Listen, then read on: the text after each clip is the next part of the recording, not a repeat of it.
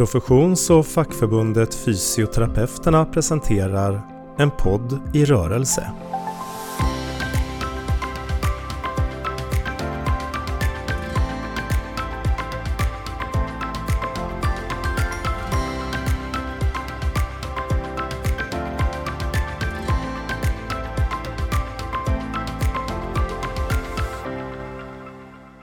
Välkomna till ett eh, nytt avsnitt av en eh, podd i rörelse. Idag ska jag prata med Kristina Taylor som är ordförande i Psykologförbundet. Välkommen Kristina! Tack så mycket! Och vi ska prata om Agenda 2030. Eh, vid kongressen i fjol i Fysioterapeuterna så fattade vi beslut om att beakta Agenda 2030 i hela förbundets verksamhet och att utifrån det ta fram en hållbarhetsstrategi. Vi fattade också beslut om att låta Agenda 2030 vara vägledande för förbundets samlade påverkansarbete. Och där tror vi till exempel att vårt nyinrättade etik och hållbarhetsråd kommer att vara viktigt i det arbetet. Och hållbarhet kommer att vara ett tema som kommer att finnas med på den nationella konferensen i höst. Och vi kommer att påbörja en översyn av de rutiner som vi redan har för att se om det är någonting som vi kan skruva till lite ytterligare. Och då var det ju så att ni fick ett liknande uppdrag vid er konferens som ni hade lite före oss. Mm. Och därför tänkte jag att vi skulle prata om det idag och se hur det har gått för er och hur ni har kommit igång. Men innan vi hoppar in på Agenda 2030 så kanske du vill presentera dig lite Kristina och kanske lite kort om Psykologförbundet också. Ja, gärna. Jag är då förbundsordförande sedan vår kongress i maj förra året, så det är ju ganska exakt ett år faktiskt i dagarna här. Ehm, och innan dess har jag jobbat som psykolog framförallt inom skola och elevhälsa ehm, med lite olika former och också varit aktiv i förbundets etikråd i ungefär tio år. Så jag har jobbat mycket med yrkesetiska frågeställningar i utbildningar och så. Ehm, Ehm, ja, finns på Värmdö utanför Stockholm. Ehm, och ehm, lite grann om eh, Psykologförbundet då. Vi eh, klev faktiskt nu sista mars över 12 000 medlemmar. Mm. Det är alltid lite roligt med sådana där mm. symboliska siffror. Och vi har en väldigt tydlig inriktning på både eh, att vi har en facklig och professionsföreträdande funktion. Och Eh, Eh, för mig är väl det en väldigt viktig sak, att jag ser att vår styrka ligger i den kombinationen. Um, och sen kan man väl säga att eh, Psykologförbundet kanske känneteck eller vår verksamhet kännetecknas väldigt mycket av att psykologin som vetenskap och tillämpning omfattar en väldig bredd. Eh, vi har ju medlemmar i vitt skilda sektorer och verksamheter i samhället. Så det, det är ju en utmaning att hitta de professionsgemensamma intressena här och, så att samtliga grupper och medlemmar känner att vi tar tillvara deras intressen. Eh, men det är också en, en, en styrka såklart att psykologer kan bidra inom så många olika områden. Mm. Mm. Så det är väl lite grann om, om oss. Mm. Ja, spännande. Vi mm. delar ju hus också. Vi äger det gör vi. Ja, Precis. Vi finns på Vasagatan båda två har våra kanslier mm. där tillsammans med några andra förbund. Men du, det här med Agenda 2030. Nu ligger ni lite före oss. Alltså, dels, men hur har, ni liksom, hur har ni tagit er an arbetet och vad är det som gör att du tänker att det här är en viktig fråga för ett fack och professionsförbund? Ja, alltså det är väl lite olika nivåer i det här. På, på en nivå är såklart Agenda 2030 en, en eh, fråga för, för alla individer och alla organisationer. Eh, med tanke på det tillstånd världen befinner sig i på något sätt mm. eh, och de utmaningar vi har. Eh, och det är ju också skälet såklart till att Agenda 2030 har tagits fram, att, att det är tänkt att genomsyra eh, all verksamhet på alla nivåer i samhället på något sätt. Mm. Så på det sättet berör det oss ju som en del av, av, eh, av världen och samhället. Men sen kan man ju säga också att fackliga organisationer i sin, till sin essens på något sätt sysslar med att samla individer med gemensamma intressen och att använda kollektivets styrka eh, för att värna och arbeta för de värden som är viktiga för organisationens medlemmar. Och det samhälle där vi mm. finns. Och därför så blir ju också kopplingen till hållbarhetsmålen ganska självklar. Mm. Um, och jag tänker att för fack och professionsförbund som de du och jag företräder så är det ju självklart att, att vi är rakryggade och står upp för ett vetenskapligt förhållningssätt och, och eh, liksom tar på allvar de sanningar och de kunskaper som forskningen visar oss. Eh, och, det, och där tänker jag också att därför blir det också viktigt att vi synliggör de här, det läget där vi finns, där vi är. Eh, och sen också såklart mm, alltså vår, vår, vår bakgrund i mänskliga rättigheter och att det var ju utifrån från den rörelsen som fackförbunden en gång bildades, att stå mm. upp för, eh, för det. Eh, och, och, ja, nu är vi ju i en situation i världen där det här utmanas på väldigt många olika sätt och, och på många olika nivåer. Men med det sagt så är det ju inte självklart hur vi ska göra det utifrån just vårt uppdrag. Och inte heller i, i, i vilken utsträckning um, med tanke på att vi har ju ett omfattande politiskt program och, och många viktiga områden mm. inom både villkors-, professions och samhällspolitik som våra medlemmar har gett oss i uppdrag att, att jobba med. Så att vår förbundsstyrelse ägnade ganska mycket tid här under vårt första halvår eh, åt att sätta de här stora samhällspolitiska frågorna i ett sammanhang och fundera på okej, okay, hur ska just psykologförbundet ta sig an hållbarhetsfrågorna? Vad, vad blir liksom, hur kopplar vi ihop det här med vår övriga politik? Eh, sen kan man väl säga att specifikt från vår sida, ut, utöver det som jag just sa om de här generella skälen till varför vi tycker det här är viktigt, så är det ju också relevant såklart för oss som psykologer hur um, Alltså hur sambandet ser ut mellan psykisk hälsa och eh, världens förmåga att hantera de här klimat och hållbarhetsutmaningarna. För det, det finns ju verkligen ett sådant samband, att vi ser att det påverkar hur människor mår. Mm. Eh, så där finns ju också en, en slags ansvarskoppling. Mm, mm, mm. Jag tänker, bara för att hänga på lite grann så tänker jag, jag ser det nästan som en självklarhet att det är någonting som man, man ska och bör arbeta med. Mm. Att vi har liksom inte något, något val att säga att det här vill vi inte arbeta med. Mm. Jag tror att vi gör en del redan, mm. men jag tror kanske att vi behöver um, tydliggöra um, det vi gör och vi behöver tydliggöra det i koppling till Agenda 2030.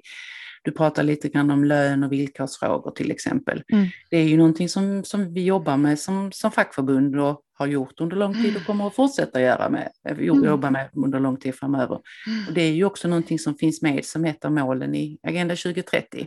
Precis. När man pratar om anständiga arbetsvillkor och ekonomisk tillväxt till exempel i mål 8. Mm. Så, så, att liksom försöka göra de här eh, kopplingarna mm. mellan det man redan gör. Och menar, ni har ju också säkert likväl som vi en mängd policy, en mängd rutiner mm. där vi pratar om hur vi ska resa och förhålla oss och där pratar om um, arbetsmiljön på våra kanslier till exempel och sådär. Men att det är liksom, och arbetsmiljön för våra medlemmar såklart, mm. men att, att man liksom kopplar ihop det och ser den här kopplingen. Mm. Uh, tänk, I mitt huvud tänker jag att det borde vara ett första steg på något sätt. Men precis så har vi också resonerat och att inte att inte tänka hållbarhet och kanske särskilt klimatrelaterad hållbarhet eh, som ett eget spår, utan just det behöver genomsyra eh, all vår verksamhet. Det behöver vara ett perspektiv som vi lägger på alla politiska mm. frågor, precis som vi tänker om, om jämlikhet och, och, och likvärdighet och, och så.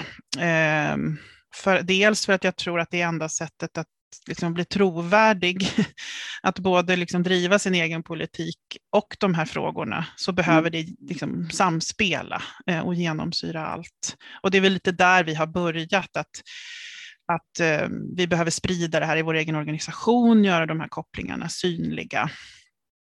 Eh, och också fundera över de sammanhang där vi redan finns och kontakter vi har. Hur, hur kan vi använda dem för de här eh, utvecklingsfrågorna. Mm. Så att vi inte liksom tänker att det är ett helt nytt område för oss. Precis Nej. som du säger, det är det ju inte, men man kan behöva vara lite, samla ihop sig lite och också vara lite strategisk, för jag tycker att det är en trovärdighetsfråga också. Vi ska såklart inte syssla med att leda arbetet på jag menar, med, med, med, med, en hel massa av de områden som hållbarhetsmålen täcker. Det ska ju andra göra, men så att just tänka smart omkring hur vi kan ändå få genomslagskraft och också hitta styrka i det, för det är ju också en, ett inspirerande arbete, tänker mm. jag, om man hittar den kopplingen. Så. Verkligen. Ehm, det, det är ju så med Agenda 2030 att det finns 17 mål och de är liksom odelbara. Och man ska på något sätt jobba med, med målen i sin helhet. Men precis som du är inne på så kan man ju behöva prioritera och man kan fokusera lite olika beroende på vad som ligger närmre en. Mm. Vi har ju till exempel jobbat med mål 3, god hälsa och välbefinnande under vår förra mandatperiod och det är ju såklart med i det fortsatta arbetet och därför är det också lite intressant att höra när du pratar om, om psykisk ohälsa i relation till Agenda 2030 och det som mm. är grunden till att det finns överhuvudtaget. Mm. Skulle du kunna få gärna utveckla lite mer där hur ni tänker. Jag, det är också intressant att höra om kopplingen till pandemin. Om man ja, ser det, att det ena är någonting som har pågått väldigt länge och det andra har, känns det som ibland också pågått väldigt länge, men inte alls mm. på samma sätt. Nej, det är ju lite grann som att egentligen ur en hel massa aspekter, men inte minst eh, psykisk hälsa, eh, så har ju pandemin på något vis synliggjort eller så här akut spotlightat sånt som vi egentligen har vetat väldigt länge om mm. vad som är viktigt och vad det kanske finns för underskott av. Um, och hela frågan om um, hur vi liksom bygger um, uh, på riktigt uh, förebygger ohälsa och, och hittar hälsofrämjande strukturer och, och så.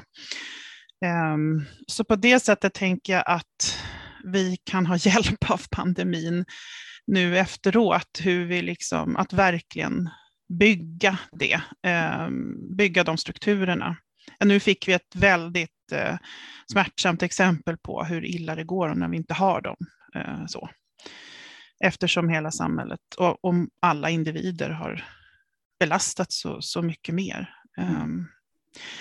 Men ehm, ehm, Ja, sen tycker jag att, att det som är spännande med Agenda 2030 när det gäller, ja egentligen alla målen, eh, det är också den här kopplingen till mellan det globala och vårt nationella perspektiv på något sätt.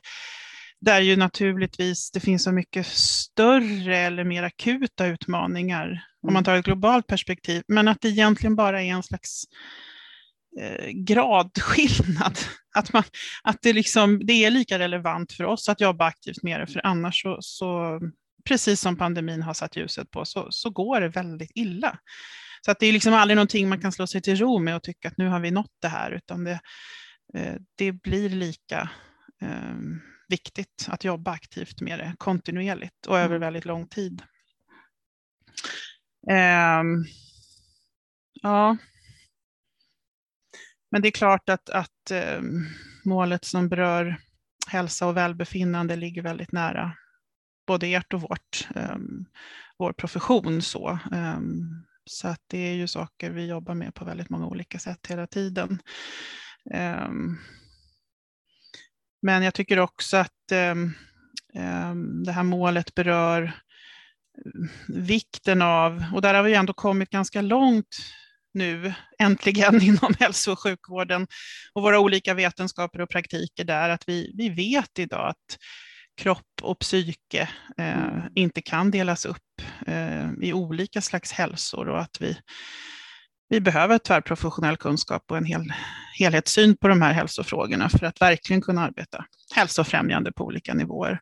Mm. Och det är ju inte minst någonting som lyfts i flera av de här aktuella utredningarna och deras betänkanden som vi har sett här under våren. Eh, att att vi, vi, behöver det för att komma vidare. Mm. Eh, och det känns hoppfullt tycker jag. Mm. Där kopplar jag lite till det du sa innan. För jag håller ju helt med dig såklart. Mm, ja, precis. att tvärprofessionellt arbete är det som behövs för väldigt mm. många.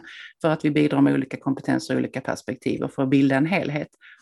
Och om man då tänker utifrån det du, när vi pratar om de olika målen i Agenda 2030, så tänker jag att vi som lever på jorden också hänger ihop. Mm. Att vi har liksom, det finns ett globalt sammanhang och att vi, mm. alla delarna behövs på något sätt för att inte mm. det ska halta. Mm. Och vi Verkligen. behöver varandra. Mm. Eh, som också har blivit så väldigt tydligt under mm. pandemin, hur vi Eller kan hur? bidra och stötta och liksom verkligen finnas för varandra. Mm. Utifrån att vi har olika förutsättningar och att det drabbar oss olika och så. Verkligen. Ett, ett, annat mål som kan vara intressant att, att resonera lite grann kring det är mål 4 som handlar om god utbildning för alla. Mm. Och där kan man ju också säga att det finns olika förutsättningar i vissa delar av, av världen så kan det ju handla om att få möjlighet att gå i skolan överhuvudtaget. Eh, både före pandemin och även där vi befinner oss nu. Eh, och att kunna få gå i, i skolan ett visst antal år eller att få lov att vara där. Medan vi kanske på ett annat sätt, eh, hos oss i varje fall så är det väldigt aktuellt med möjligheten till kompetensutveckling under arbetslivet och att det ska kunna göras på ett jämlikt sätt, lite grann oberoende av vilken profession man tillhör, att man ska få samma förutsättningar och att utbildning ska löna sig till exempel. och Så, eh, så, så den känns ju då närmare oss. Mm. Eh, hur har ni diskuterat kring det fjärde målet, god utbildning för alla? Är det någonting som ni har speciellt lyft? Jag vet ju att du har skrivit en, du skrev ju bloggar bland annat vid årsskiftet, mm. mm, där du resonerar jo. lite kring de olika målen. Precis, det var ju ett sätt för dels för mig själv att eh, liksom djupdyka lite i, i, eh, i målen och eh, tvinga mig själv att verkligen eh, koppla på liksom olika reflektioner eh, till varje enskilt mål. Ehm, och när det gäller det här med god utbildning för alla ehm, så är ju det naturligtvis ehm, ja, det finns ju inget mål som inte är viktigt här. Men, men um, alltså vi har ju många psykologer som är verksamma i, i, i skola, elevhälsa och utbildning. Och, um, uh, så det är ju verkligen någonting som vi jobbar aktivt med på, på olika sätt. Um, och det här var ju, är ju verkligen också, precis som du sa, ett, ett av de målen där man tydligt kan se att jämför vi oss globalt så har vi ju kommit oändligt långt i Sverige med vad vi erbjuder. Eh, både barn och unga och vuxna i form av utbildning och hur förutsättningarna för det ser ut. Samtidigt eh, så behöver man ju bara skifta perspektivet lite eller byta kontext så, så, så, ser vi ju att vi har ju enorma utmaningar med likvärdighet och, och, och att elever inte har de färdigheter som de har rätt till när de lämnar grundskolan och vilken enorm konsekvens det har för dem eh, och därmed för hela samhället. Så att, så att eh, Ehm, nej, den är ju eh, oerhört central och vi behöver ju tänka klokt omkring hur vi kan, kan ehm, förbättra och eh, bidra in i det här. Ehm, det utbildningssystem vi har och ja, jag tror vi, man kan inte nog lyfta vikten av det helt enkelt. Och nu, det är också ett sånt här område som pandemin har ja, synliggjort ännu mer då vad det här betyder och eh, hur stora utmaningarna är när vi inte har de förutsättningar som vi vet att vi egentligen behöver. Mm. Så där får vi också se nu vad konsekvenserna blir och att vi får tänka, ja, jobba mycket tillsammans för att, för att eh, ta hand om det på olika sätt. Um, och jag tänker också för professionsförbund där, där medlemmarna har en lång utbildning, eh, att det liksom ligger i våra professioner, så blir det ju också mm, särskilt relevant för oss. Och jag tänker också att det kanske blir ett särskilt ansvar när man själv har det bakom sig, ehm, att också verkligen lassa in, bidra till att, att utveckla mm. um, våra, våra ja, olika förutsättningar för en god utbildning. Mm. Mm. mm. Ja, det känns som att det blir lika mycket pandemi som Agenda 2030 idag, men det kanske inte är så konstigt. Nej, det är väl det där att, att just det där, och det har jag ändå mer och mer, och nu börjar vi ju också se liksom någon slags efter tid här, eh, så det kanske bidrar, men att det ändå känns som att att man, jag har börjat kunna vrida liksom allt det här smärtsamma och utmanande till att okej, okay, men vi har fått otroligt mycket mm. lärdomar. Mm. Och, och, och, vi har liksom fått förstå um, mer av vad vi faktiskt behöver göra um, för att um, skapa hållbara strukturer. Så att, så att jag tänker att på det sättet finns det ju en, en, en växelverkan här, eller att pandemin på något vis hjälper oss att förstå det. Och då hoppas jag att vi kan förvalta det klokt tillsammans framöver. Ja, vi har ju till exempel sett hur de digitala utbildningarna har lockat eh, andra personer, andra mm. utbildningar har lockat tidigare och betydligt mm. fler personer än tidigare. Mm. Det är ju någonting som bidrar till en ökad tillgänglighet mm. just när det gäller den vidareutbildningen. Men det känns också lite eh, kanske lite futtigt att lyfta i det här sammanhanget när vi pratar om barn och ungas möjlighet att få tillgång till skola överhuvudtaget. Mm. Eh, tänker jag, men eh, som, som tidigare sagt, vi har ju olika förutsättningar. Ja men verkligen. Och, olika grejer med oss in i arbetet. Så att säga. Precis, och det är ju väldigt sällan som de här stora mm, frågorna och eh, de stora ehm, eh, utmaningarna är sådär odelat problematiska eller odelat eh, fantastiska, utan det handlar ju om just eh, att både se eh, möjligheter och för det har ju pandemin verkligen hjälpt oss med på det här, mm. på det, inte minst på det här området. Mm. Och samtidigt eh, liksom verkligen möta, våga problematisera och, och ta ansvar för det. Mm. mm. Är det något ehm, An, är det något annat mål som du känner att eh, det här vill jag också att vi resonerar lite kring? Ja, men kanske det här mål eh, fem med jämställdhet. Um, det, det, är ju, det var ju ett av de där, när jag skrev de här bloggtexterna, så det där, är, det där ligger mig särskilt varmt om hjärtat för att jag tycker att vi har så mycket kvar att göra där i att våga liksom tänka och prata öppet om hur vi fördelar makt och ansvar i samhället i stort, men, men i, vår, i våra egna sammanhang. För att jag tror att den här frågan, det blir så lätt att man tänker, det finns andra som inte respekterar de här värdena, det finns andra som förtrycker och inte lyfter och inte lyssnar och, och, och så.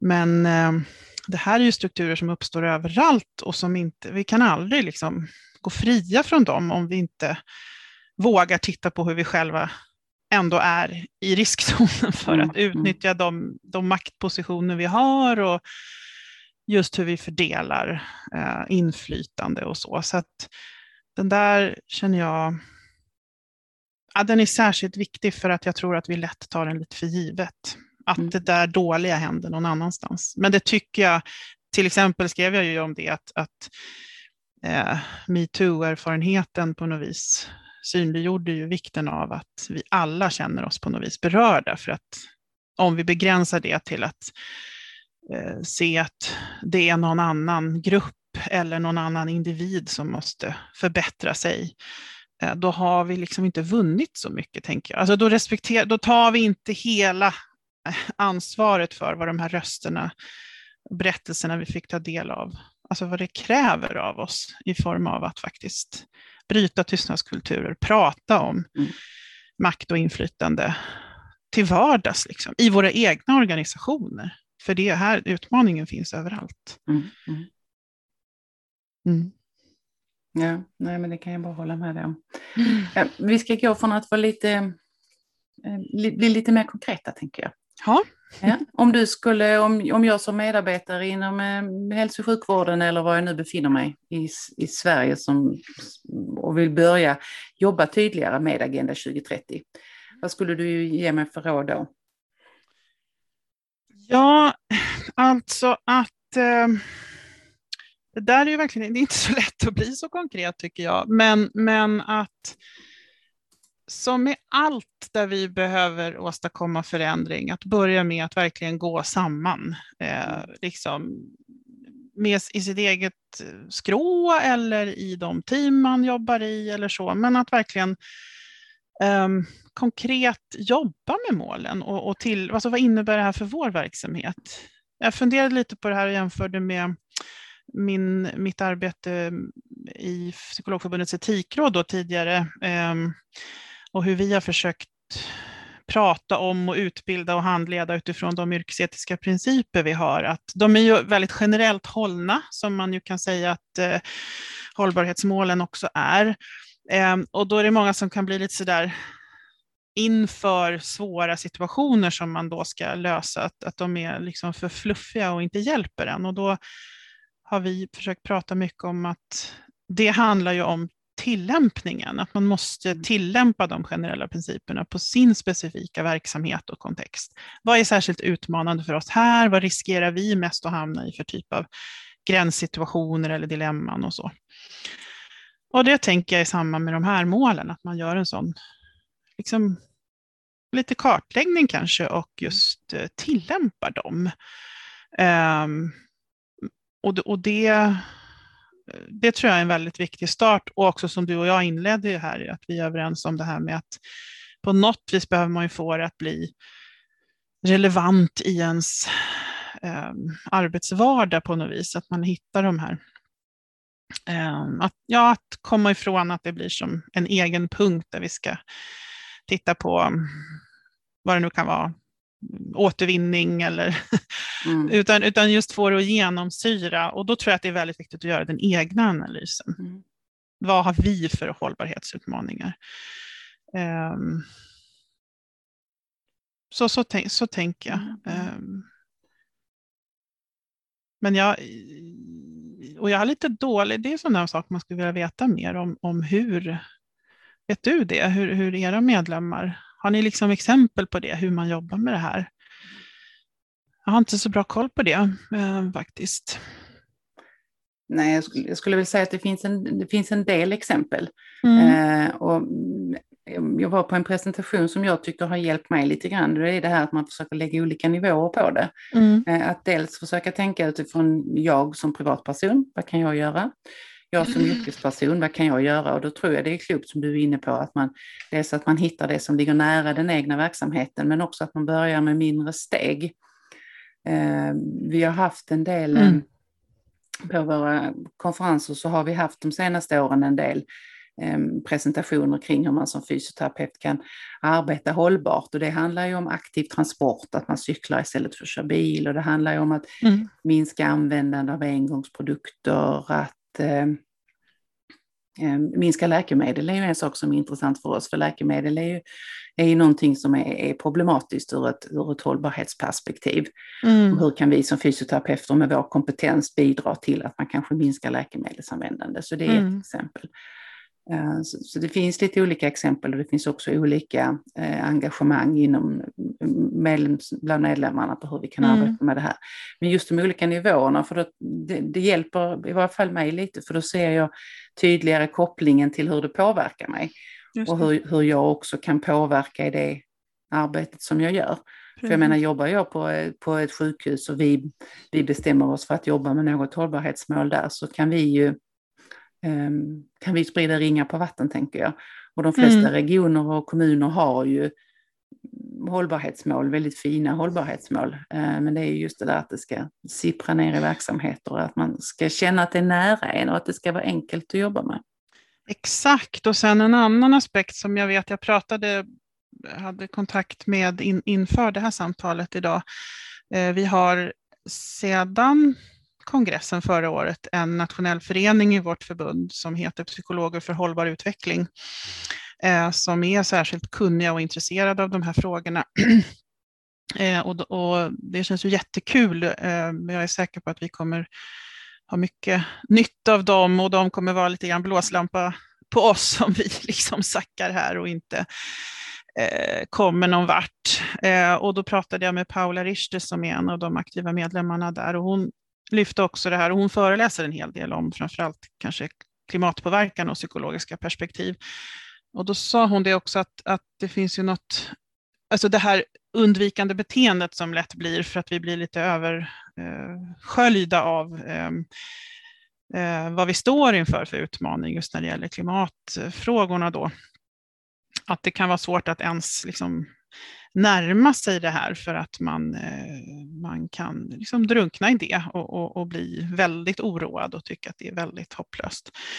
Och då så lyfte hon det att där finns ju också en viktig funktion för många och inte minst från vår profession då, som är vana att möta just, just det, det obehagliga, det svåra när det är tungt och, och känns omöjligt. Och att, och att det är ett, ett viktigt första steg, att bara våga stå i det här. Ja, vi måste nog kunna prata om det här, mm. för det är mm. faktiskt avgörande. Men det är också väldigt, kan vara väldigt tungt. Mm.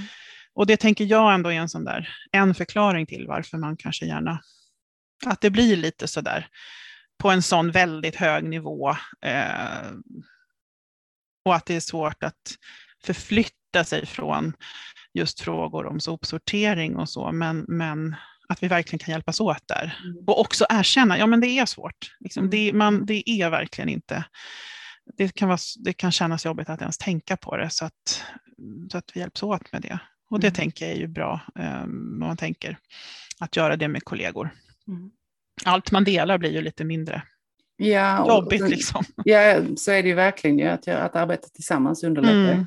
Och tänker jag också att nu blir det ju fokus en del på den miljömässiga hållbarheten, mm. men i Agenda 2030 har vi också den ekonomiska och den sociala. Absolut. Och, och där, där, är ju vi, där blir det ju ett, ett engagemang kring att har vi jämställda löner, mm. lönesätts jag lika mycket som kvinna som man utifrån den erfarenheten och kompetensen jag har. Mm. Får jag samma möjligheter till kompetensutveckling? Mm. Utifrån de behoven jag har, är det, eller är det kön som styr kanske? Mm. Eh, och, och, såklart lönefrågorna, där, där vi liksom kan uppmärksamma det på ett, eh, ett medvetet sätt. Eh, Verkligen. Eh, lite olika beroende på var vi befinner oss i strukturen, men att det också blir viktigt att man eh, tar med det om man ja, som, oh ja. som medarbetare vill jobba med Agenda 2030, tänker jag. Verkligen, och hållbarhetsfrågorna i hela arbetsmiljö eh, området såklart eh, är ju otroligt viktigt och eh, återigen ett sånt där område som pandemin har, har smärtsamt visat att eh, vi klarar inte vad som helst under hur lång tid som helst. Nej. Skulle du ge något annat råd till arbetsgivaren än du ger till medarbetaren? Men egentligen är det ju inte så stor skillnad eh, annat än att arbetsgivaren ju både har ett större ansvar och också eh, större möjligheter att påverka eh, strukturer och rutiner och så. Mm. Eh, och det är ju viktigt att arbetsgivaren tar det ansvaret. Eh, och där tänker jag att liksom i alla andra hållbarhetsfrågor och villkorsfrågor ehm, så um, att konkret och kontinuerligt ha en dialog med professionsföreträdarna. Ehm, för att jag tror att det är det som är gynnsamt i när man ska förändra och förbättra eh, förutsättningar. Det är att, precis som du sa, den här alltså från policynivån på något sätt och så arbetsgivarnivån eh, och så ner i verksamhet med eh, de som jobbar, medarbetarna och de som vi jobbar för. Alltså hur får mm. vi den kedjan att hänga ihop när det gäller de här sakerna? Så att, att ta ansvar för strukturerna och att lyssna in eh, professionerna, det skulle jag vilja uppmuntra arbetsgivare till. Mm. Så att man inte blir, alltså det här med ansvar blir ju lätt sådär, om vi tycker att arbetsgivare inte tar ansvar, alltså då blir det ju lätt en fråga om jo det gör vi, nej det gör ni inte, jo det gör vi och så kan det bli igen huvudet i sanden. Men liksom mm. att utgå från att det finns alltid någonting man kan förbättra. Mm. Och vi har ett gemensamt projekt här. Det berör alla, så hur, liksom, vad kan vi bidra in? Mm. Våga vara öppen för det och då kräver det också av oss som professionsföreträdare att vi just har ett sådant konstruktivt bidragande perspektiv. Mm. Då tror jag vi kan komma långt. Mm. Ja, det tycker jag också känns, känns viktigt att ha. Mm. Um, nu har vi kommit lite grann till, till slutet av samtalet och då har vi ju en fråga som vi oftast brukar avsluta med. Och det är ju då om, om du Kristina var statsminister för några dagar eller en dag eller två. Mm. Vilka beslut skulle du fatta eller vilka beslut tror du att du behöver fatta för att sätta fart på Agenda 2030-arbetet i, i vårt land? Ja, hörru du, det är ju en stor fråga. Väl medveten om att i alla de här hållbarhetsfrågorna så eh, de är ju så komplexa och kräver naturligtvis samverkan av en mängd expertis eh, och inom vitt skilda forsknings och kunskapsfält. Men, men där jag skulle börja är väl ändå att anlägga ett helhetsperspektiv, precis som vi har pratat mycket om nu att inte hantera hållbarhetsfrågor separat, ehm, utan låta dem genomsyra hela eh, min politiska agenda. Mm. Ehm, och införa strukturella begränsningar när det gäller klimatpåverkan då till exempel. Ehm, ja, så att man gör någonting på riktigt med de utmaningar som finns. Men jag, framför allt skulle jag eh, ta det här helhetsperspektivet. Mm. Och på något vis också det evidensbaserade förhållningssättet, att, att låta den kunskap vi har eh, finnas med i politiken. Eh, och på något vis Eh, lägga rälsen allt eftersom vi redan åker på den. Att vi får ju hela tiden ny kunskap. Då behöver vi omsätta den, men vi kan inte göra det hela vägen. Vi vet inte. Det är ju det som är på något vis ett vetenskapligt evidensbaserat förhållningssätt. Vi tar den kunskap vi har, men den måste anpassas och tillämpas och prövas och utvärderas och så får man liksom justera. Och...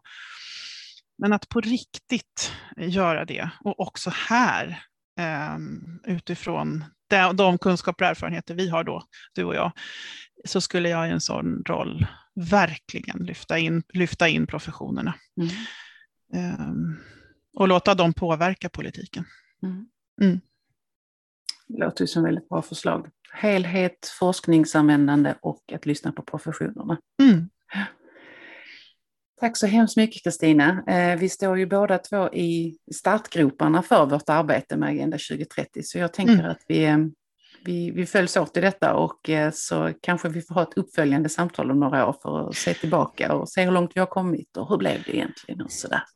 Verkligen. Stort tack för att du frågade och jag ser fram emot att eh, både utbyta goda exempel och stångas med de svåra frågorna och jobba vidare tillsammans.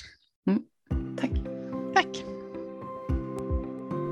En podd i rörelse presenterades av Fysioterapeuterna.